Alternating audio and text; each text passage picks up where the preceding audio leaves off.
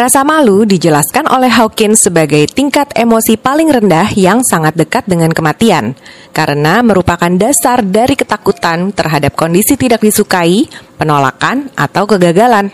Menurut Sigmund Freud, rasa malu bisa menimbulkan gangguan syaraf dan rentan terhadap halusinasi yang membuat orang paranoia, gemar menuduh, hingga melakukan kejahatan luar biasa. Secara klinis, rasa malu memicu depresi yang disertai perubahan besar di fisiologi otak dan rendahnya kadar neurotransmitter kritis. Secara spiritual, rasa malu terjadi karena penolakan terhadap kenyataan, membenci kondisi diri, putus hubungan atau merasa ditinggalkan oleh Tuhan yang terjadi karena kebutuhan ego akan validasi diri. Kita bisa bangkit dari rasa malu dengan melepaskan semua pemikiran tentang seharusnya, mencoba menerima kenyataan, berpikir netral, dan mengenal diri sejati. Yuk, sadar yuk!